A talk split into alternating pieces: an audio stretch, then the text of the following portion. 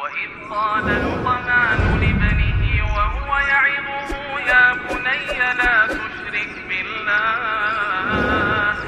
إن الشرك لظلم عظيم. وإذ قال لقمان لابنه وهو يعظه يا بني لا تشرك بالله إن الشرك لظلم عظيم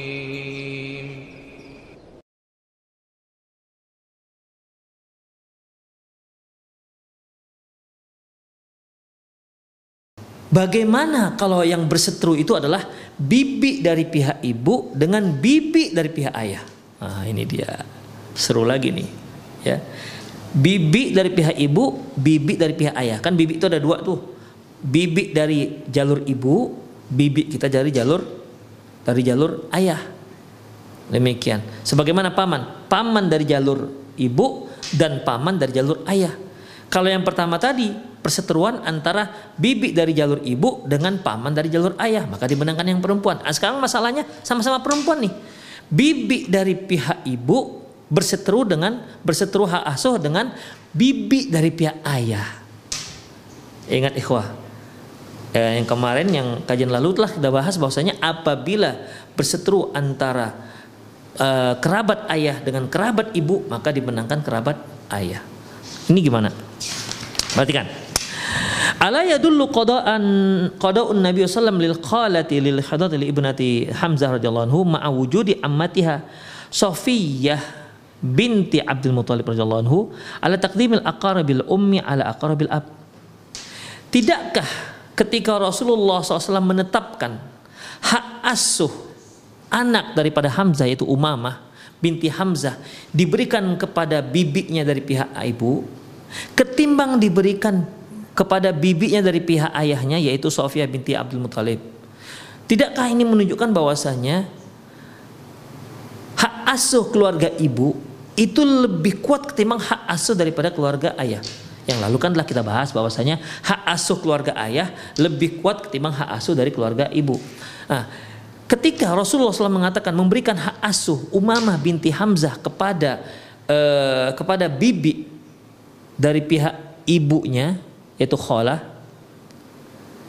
tidak diberikan kepada kepada bibi dari pihak ayah padahal ada bibi dari pihak ayah yaitu uh, apa namanya Sofia binti Abdul Muthalib demikian ikhwah bukankah ini menunjukkan bahwasanya hak asuh keluarga ibu lebih kuat ketimbang hak asuh keluarga ayah hmm. jadi di situ ikhwah ada bibi dari pihak ibu yaitu uh, namanya Asma binti Umesh. Jadi Ja'far Ja'far binti Abdul Muthalib yang juga ingin mendapat hak asuhnya, ya dia mendapat punya istri.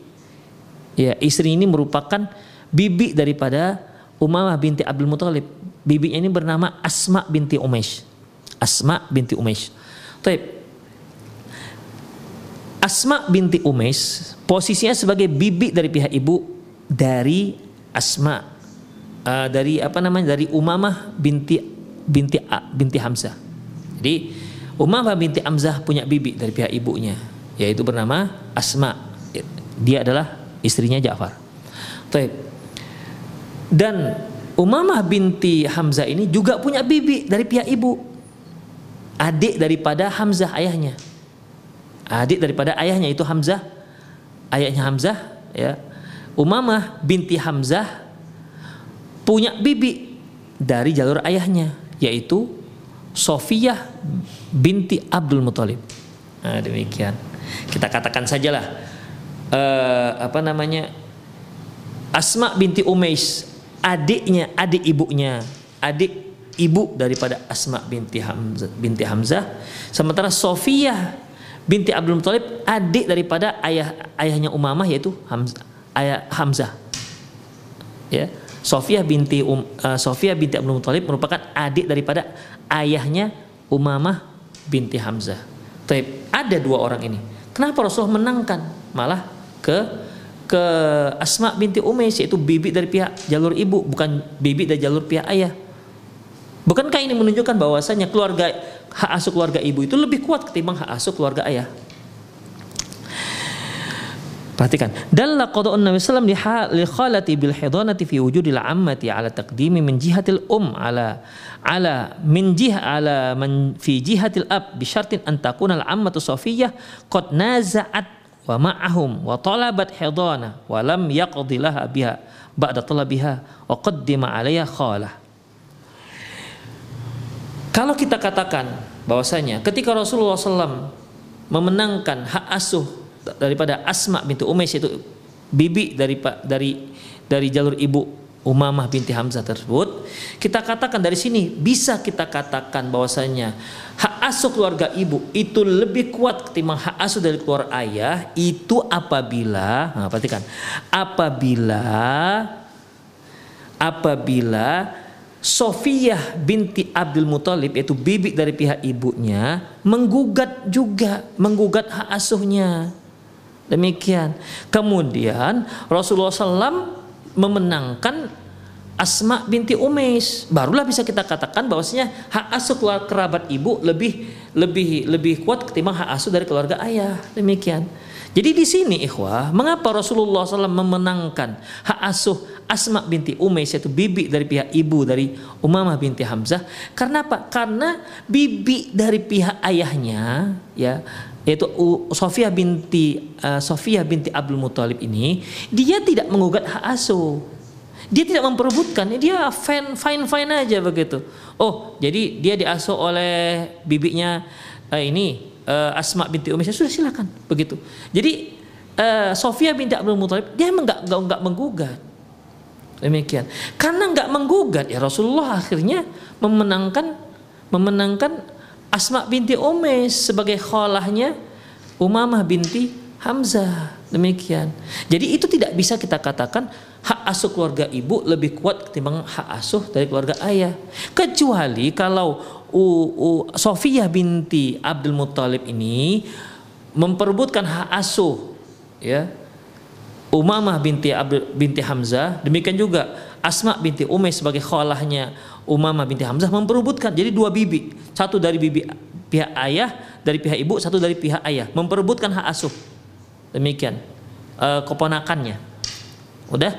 Kalau seperti ini lantas Rasulullah SAW memenangkan Asma binti Umais yaitu bibi dari jalur ibu Umamah barulah bisa kita katakan bahwasanya hak asuh keluarga ibu lebih besar lebih kuat ketimbang hak asuh dari pihak ayah. Tapi masalahnya di sini Sofiyah binti Sofiyah binti Abdul Muthalib tak ma, tak ikut menggugat hak asuh. Itu permasalahannya. Ya. Tidak ikut menggugat hak asuh. Udah dia udah nggak apa-apa biar aja diasuh. Demikian. Kalau yang tadi kan seperti Ja'far seperti Ali bin Abi Thalib itu menggugat. Sama-sama menggugat. Tapi nggak dibenangkan oleh Rasulullah. Ya kan? Sofia nggak ada menggugat. Yang menggugat kan hanya tiga. Ali bin Abi Thalib Ja'far dan Zaid bin Harisa. Sofia nggak termasuk. Demikian ikhwah.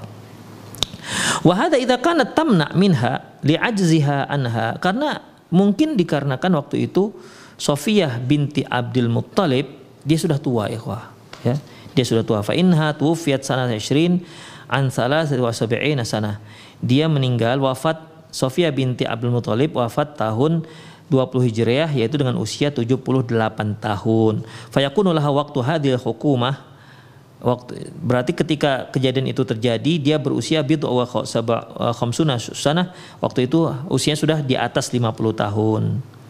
Kemudian fayahtamil anha tarqaha li ajziha anha sehingga dia tidak mau menggugat hak asuh tersebut dikarenakan dikarenakan dia merasa tidak sanggup mengasuh si Umamah binti Hamzah. Demikian ikhwah rahimani Allah wa iyyakum.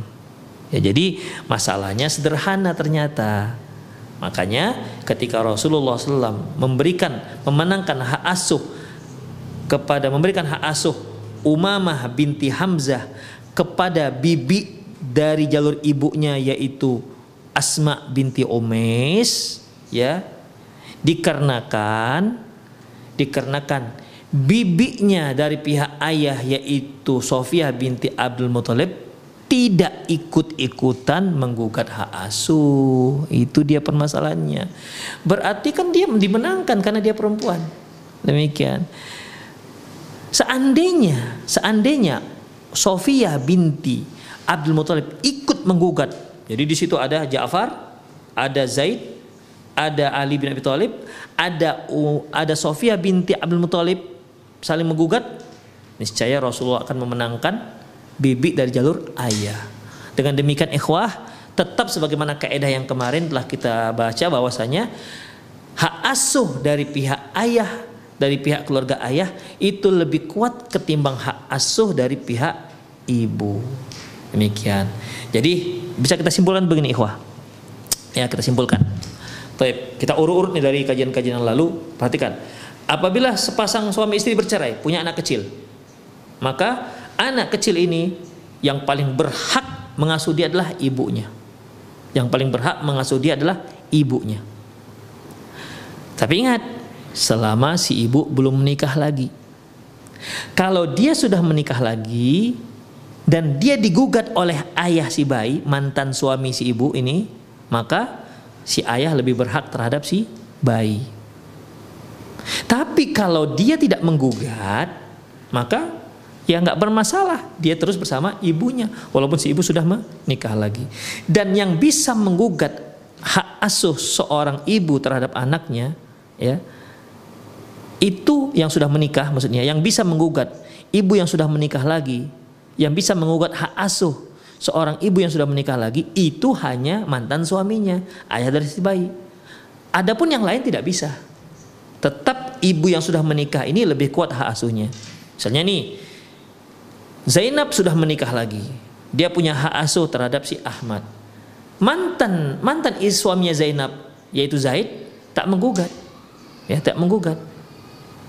Maka Ahmad tetap berada dengan diasuh oleh ibunya. Kalaupun ada keluarga daripada ayah menggugat hak asuh, misalnya abangnya ayah, abangnya Zaid tadi misalnya, menggugat, oh itu kan istrimu sudah menikah lagi, kalau gitu kami yang akan memperebutkan hak asuh anakmu. Maka tetap lebih dimenangkan ibu walaupun dia sudah menikah lagi. Jadi yang bisa menggugat hak asuh seorang, seorang ibu yang sudah menikah itu hanya mantan suaminya yaitu ayah si si bayi. Selebihnya nggak bisa. Tetap ibu yang sudah menikah lebih kuat hak asuhnya terhadap bayinya ketimbang yang lain. Demikian ikhwah. Baik. Kemudian Lantas bagaimana dengan keluarga kerabat ayah dan kerabat ibu? Apabila si ibu sudah apa namanya apabila si ibu sudah mungkin meninggal atau bagaimanalah ceritanya ya kemudian maka hak asuh keluarga ayah lebih kuat ketimbang hak asuh keluarga ibu. Ya kemudian hak asuh dari keluarga ayah. Keluarga ayah ini kan ada laki ada perempuan. Apabila mereka memperebutkan hak asuh dari keluarga ayah ini ada memperebutkan hak asuh seorang bayi tapi yang memperebutkan itu antara laki dan perempuan maka dimenangkan laki-laki misalnya nih si ayah punya adik perempuan, punya abang laki-laki. Mereka berdua ini memperebutkan hak asuh. Hak asuhnya, maka di, diberikan kepada yang perempuan. Si ayah yang sudah meninggal misalnya, tinggallah anaknya yang yatim. Udah, diperebutkan hak asuhnya antara emak dan ayahnya, artinya antara nenek si bayi dengan kakek si bayi. Misalnya nih, maka siapa yang dimenangkan? Dimenangkan neneknya neneknya yang perempuan demikian ikhwah demikian juga halnya dengan kerabat perempuan Taib. kalau diadu antara kerabat perempuan dan kerabat laki-laki mana yang lebih kuat jika yang diperebutkan itu antara dari kerabat perempuan dia dia adalah seorang perempuan dengan yang kerabat laki-laki dengan kerabat uh, ayah tapi yang laki-laki maka tetap dimenangkan yang perempuan seperti kisah Asma binti Umais. Dimenangkan dia ketimbang Ja'far dimenangkan dibandingkan Ali bin Abi Thalib. Demikian. Tetapi kalau sama-sama perempuan, bibi dari jalur ibu memperebutkan hak asuh keponakan ya dengan dia berseteru dengan bibi dari pihak ayah, maka dimenangkanlah bibi dari pihak ayah karena keluarga ayah itu lebih besar hak asuhnya ketimbang dari keluarga ibu. Demikian ikhwah.